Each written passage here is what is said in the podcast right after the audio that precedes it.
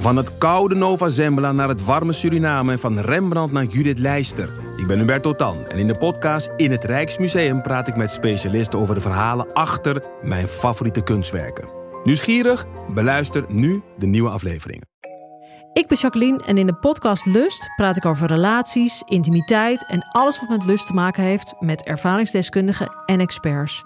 Of je nu in een relatie zit, single bent of iets daartussenin, Lust is de podcast voor jou. Overal te beluisteren, dus ook in jouw favoriete podcast-app.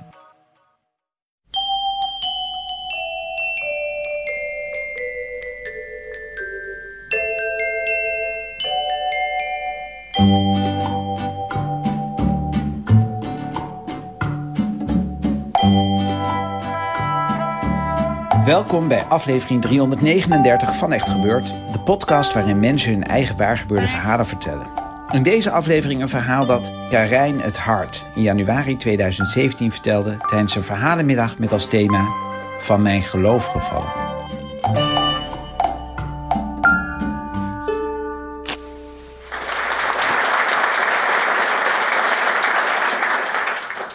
Ik ben uh, opgegroeid in een woongroep in de jaren tachtig. Samen met mijn moeder woonde ik daar. En verder woonden er allemaal vrouwen. En ze waren daar alleen maar bezig met uh, gebedsgenezers en goeroes en het paranormale. Mijn moeder ook. Die volgde cursussen over aura's tekenen. En uh, over in contact komen met gidsen in het hiernamaals. En ze deed ook iets met handoplegging. En veel van die cursussen deed ze bij twee dames. Een helderziende, een-eiige tweeling. Ja, laat dat even op je inwerken. nou, toen ik een jaar of veertien was, toen stopte mijn moeder met die cursussen. We bleven daar wel gewoon wonen, maar uh, ja, ze, ze, trok zich daar een beetje van terug. Want ze zei, weet je wat het is? Er valt zo weinig te lachen in dat wereldje. Mijn moeder kwam uit Rotterdam, misschien dat je dat nog niet uh, gehoord had. Ze had het wel gezien en ze wilde gewoon lol maken. Dus mijn moeder die startte haar eigen theatergezelschap. En die bracht heel veel kluchten en toneelstukken. En ze deed straattheater. We hadden het er eigenlijk nooit meer over, over die cursussen. Maar mijn moeder bleef wel groot fan van Jomanda en van Char. Gaan we naar twintig jaar later. Mijn moeder was ernstig ziek. Je wist niet wat je zag. Ik bedoel, het was altijd een mager iemand geweest. Maar nu lag ze helemaal breekbaar in witte kussens. Zat er gebit niet meer in. De rode haar helemaal in piekjes om zich heen. En ze wilde eigenlijk niemand meer zien, behalve mij en haar vriendinnen uit de woongroep. Want, zoals ze zei, joh, ik zie er niet uit. En ze was altijd heel trots en eigenzinnig geweest. Dus ja, ze had zoiets van, nee, ik hoef niemand meer te zien.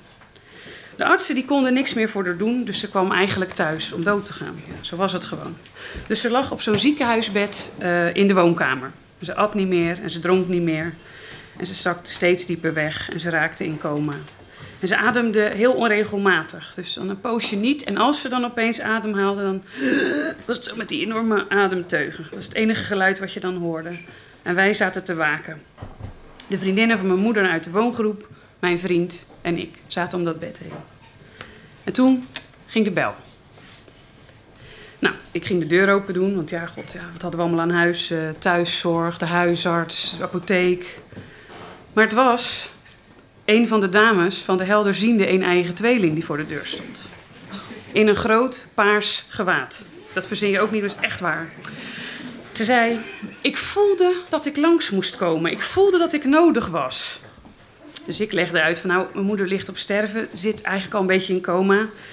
Misschien. En zei ze: Dan heeft ze me geroepen. Dus uh, ja, ze ging bijna. Ik wilde eigenlijk bijna de deur dicht doen, maar ze zette de voet tussen de deur. En mijn moeder wilde dus niemand zien, dat wist ik. Maar de mensen uit de woongroep die waren er eigenlijk heel blij mee dat er een, uh, ja, dat er een spirituele gids kwam om de transitie van aarde naar hemel beter te maken. Dus ze kwam naar binnen. Nou, die dame die ging, die begon meteen te praten en te praten en te praten. En ze wist precies wat voor werk ik deed. En ze wist dat mijn vriend en ik onze vakantie afgebroken hadden omdat mijn moeder zo ziek was. Zie je nou wel, zeiden de mensen van de woongroep. Zie je, ze is echt helderziend hoor. Het is heel bijzonder dat ze erbij is.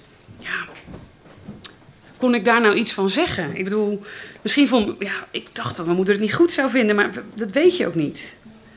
Dus zo kwam het dat het sterfbed van mijn moeder begeleid werd... door een dame in een grote paarse jurk.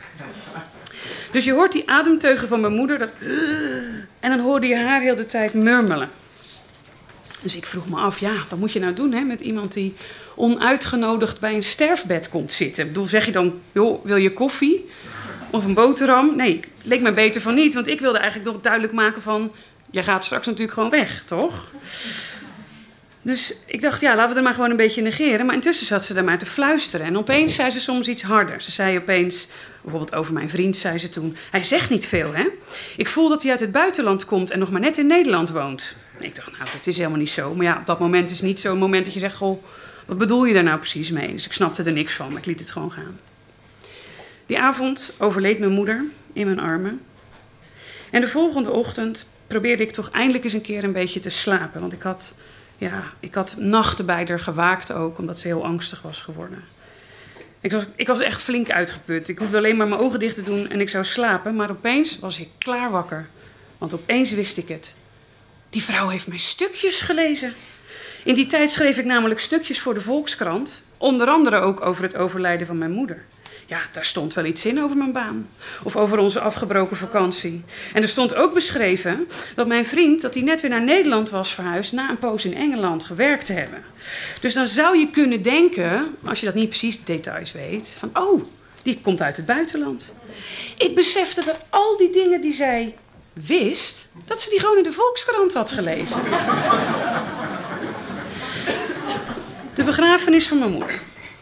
Elke keer in die tijd, als er een bekende Nederlander overleed, dat was toen een beetje die, dat die trend zo werd, bij André, bij André Hazes bijvoorbeeld, dan zei mijn moeder altijd: Ja hoor, nog even en heeft over water gelopen. Dus zij wilde zelf geen geslijm op haar begrafenis. Ze wilde gewoon dat het ja, zou zijn zoals ze geweest was.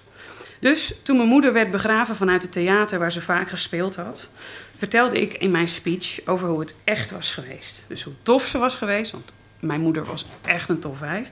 Maar ook over haar minder mooie kanten. Zo eigenwijs als ze was bijvoorbeeld. Zo beweerde ze bijvoorbeeld bij hoog en bij laag dat Estland niet in Europa lag.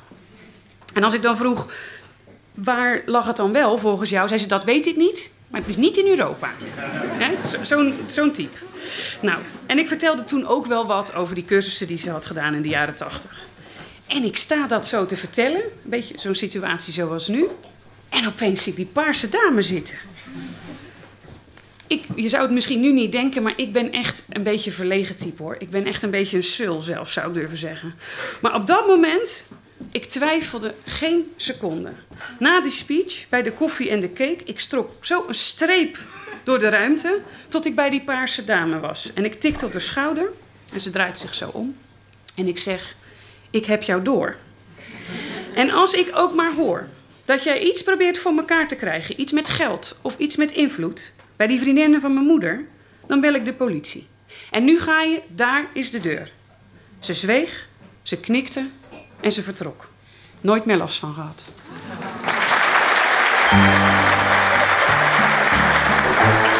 Je hoorde een verhaal van Karijn het Hart. Karijn is Neerlandicus, maar volgt een opleiding tot pedagoog.